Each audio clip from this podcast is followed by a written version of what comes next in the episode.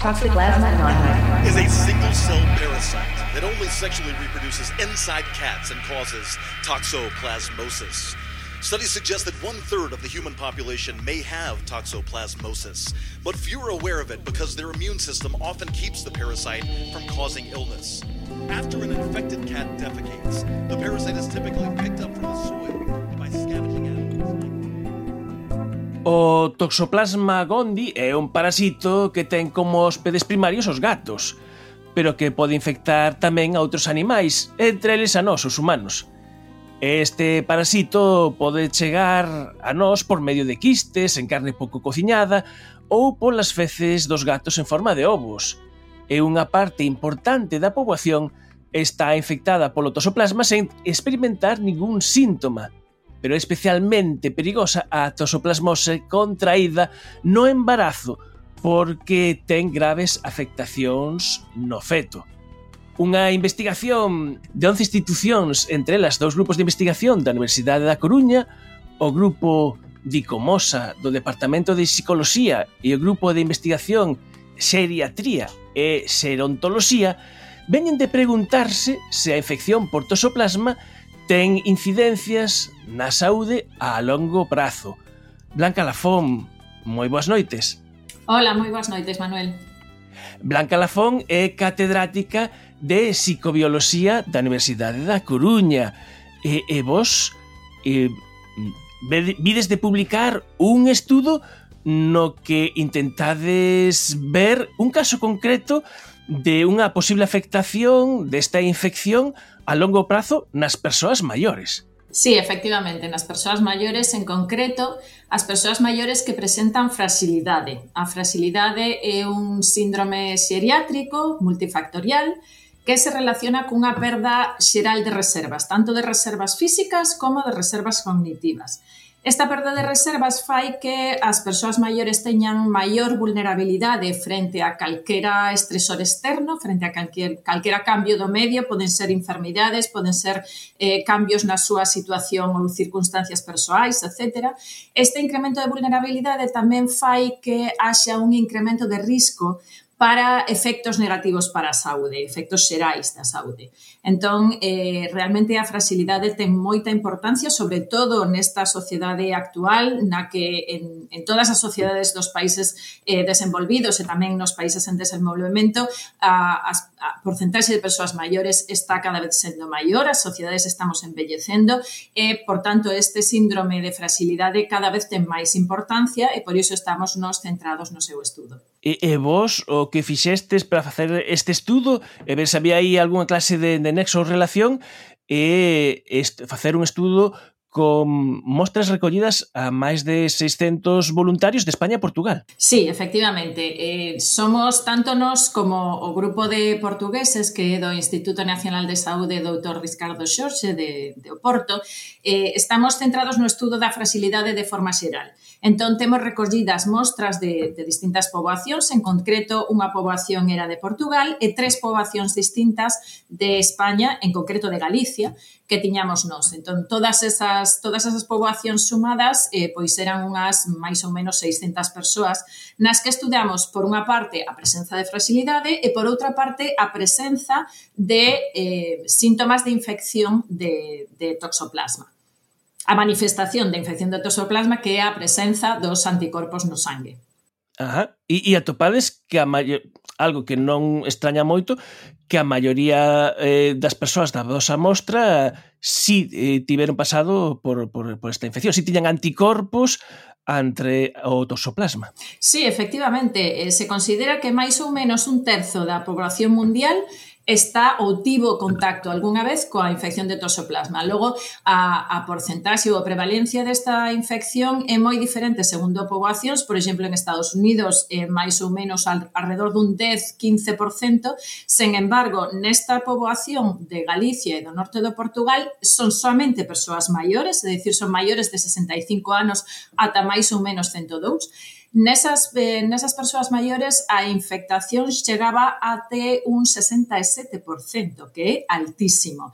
Ese, esa prevalencia se considera que actualmente está baixando máis, sobre todo polo incremento da eh, educación a nivel de higiene, as medidas de higiene na preparación dos alimentos, da, da, da manipulación dos gatos, que son os principais hospedadores desta, desta, deste parasito, pero realmente eh, unha das grandes fortalezas do noso estudo é o incremento o, o grande nivel de, de persoas que tiñan contacto con toxoplasma algunha vez nas súas vidas. E aparte desa de información, o cruzades con información no, onde avaliades esa fragilidade, non?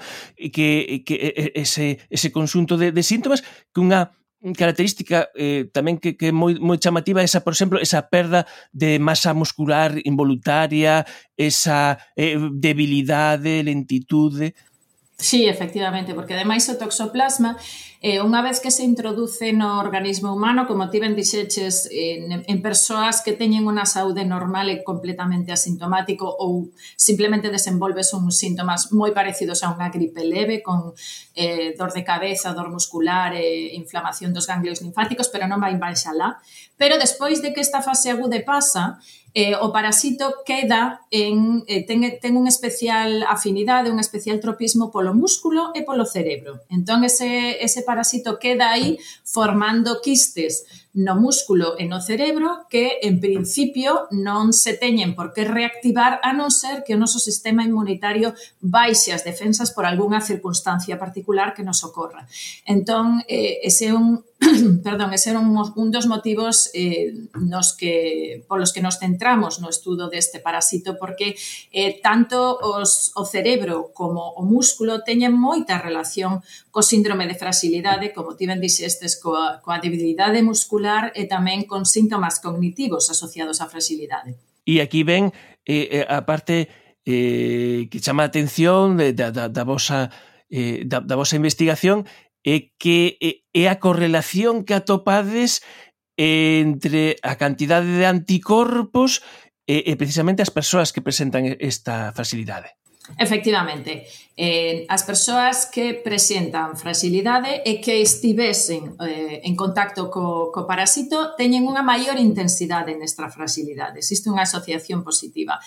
O que non podemos dicir polo propio diseño do noso estudo, que é un estudo transversal, é dicir, é un estudo no que se fixo unha análise nun determinado tempo, pero non se seguiu aos individuos ao largo dun, dun tempo eh, máis prolongado, E por esa propia análise non se pode dicir que esta asociación é causal. É decir, que a, que a eh, infestación ou o contacto co parásito toxoplasma é a causa de, do desenvolvemento desa fragilidade. Pero sí podemos decir que existe unha asociación e, ademais, no noso estudo tamén vimos que eh, o, a, a presencia, a cantidade de anticorpos era tamén proporcional á cantidade presente no sangue duns biomarcadores que son eh, indicativos de procesos de estimulación inmunitaria. Esos biomarcadores tamén tamén son indicativos de procesos de fragilidade, é dicir, existe como unha triple asociación que nos dá pistas de que realmente aí pode haber algo, pero de momento con este deseño de estudo non podemos dicir que esa asociación é de causalidade.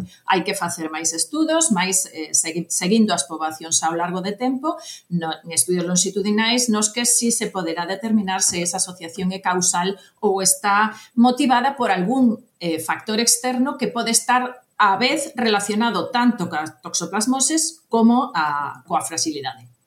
Pois deixamos ben claro iso que non hai eh, non podemos dicir, o sea, eh, o, o toxoplasma causa eh, este esta fragilidade, pero eh, eh, sí que eh, hai eh, o, o traballo da, da esas evidencias de que eh, pode existir algunha clase de, de, de conexión ou influencia de factores ou que sexa un factor ou un cofactor que unido a outras eh, cuestións que, que, que poida eh, desenvolver. A min, neste aspecto, pareceseme un, un pouco eh, eh, o sea, conceptualmente, eh, por exemplo, o que ocurriu eh, cando eh, se estudiou eh, que a esclerose múltiple eh, eh, que había maior prevalencia na xente que estaba eh, infectada con Epstein-Barr, pero claro, a maior parte da poboación estamos infectados con Epstein-Barr, co cual dices, bueno, pois é un factor máis en este caso, eh, con estas prevalencias tan altas, eh, me parece que eh, a interpretación eh, é un pouco eh, semellante, non? Ou podría ser un pouco semellante.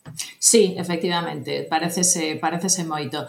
Eh, de todas formas, tamén eh, hai que ter en conta a, a, a presencia de, de, como ti decías, de outros factores, pois, por exemplo, a depresión. A depresión eh, está íntimamente de ligada coa fragilidade, se veu que, que as persoas frágiles, as persoas maiores frágiles, teñen unha maior incidencia de depresión.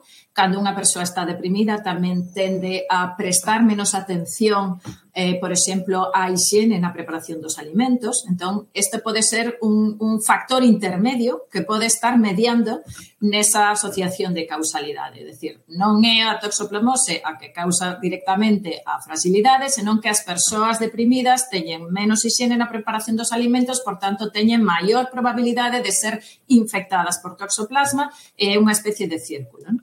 de se confirmar, isto vai necesitar eh, moitos máis traballos, eh, de, de moitos eh, de, de moitos, moitas investigacións, de moitos grupos, eh, de, de confirmar esta liña, eh, isto eh, poría sobre o foco eh, a necesidade eh, de, de que estes valores de, de prevalencia da toxoplasmose baix, baixen, claro, que hai unha cuestión xeracional, como ben explicabas o, o principio, e, e pode, claro, dar aí unha pista sobre posibles eh, eh, pois tratamento, diagnose, eh, po, digamos que, que, que unha liña que, que, que abre que digamos que abre moitas preguntas. Sí, efectivamente, abre moitas preguntas e abre moitas eh, moitas rutas posibles de abordar esta fragilidade, porque esta eh, de confirmarse a causalidade, pois eh, teríamos que tomarnos quizáis un pouco máis en serio a infección por este parasito, porque de momento, como comentaches ao principio, eh, este parasito non ten importancia en persoas sas, porque non ten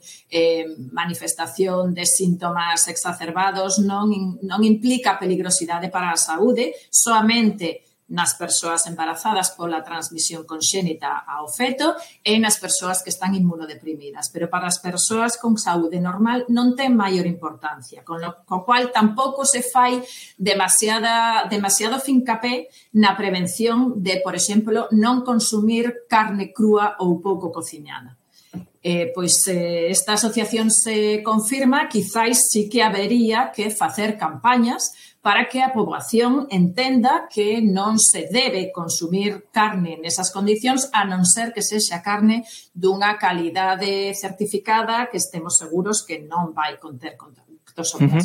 En esa mesma liña, eh, eh, tamén eh, cumpliría pois adoptar unha serie de medidas higiénicas ás persoas que teñen gatos. Sí, efectivamente.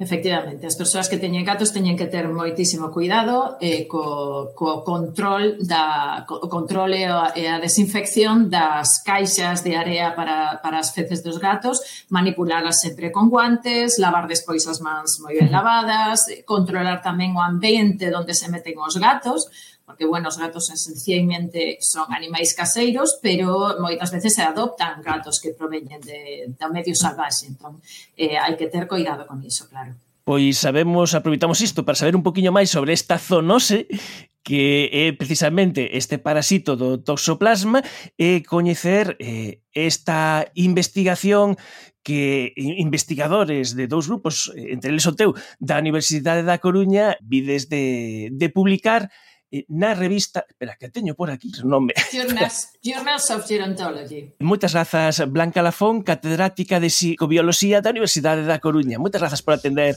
a chamada de Fervesciencia. Moitas grazas, Manuel, sempre un placer. Boa noite. There's no reason to be concerned, though. Cats are wonderful creatures. They bring joy into our lives. They're absolutely wonderful to have around. Just be careful around their poop and make sure it doesn't go in your mouth. mouth, mouth, mouth, mouth.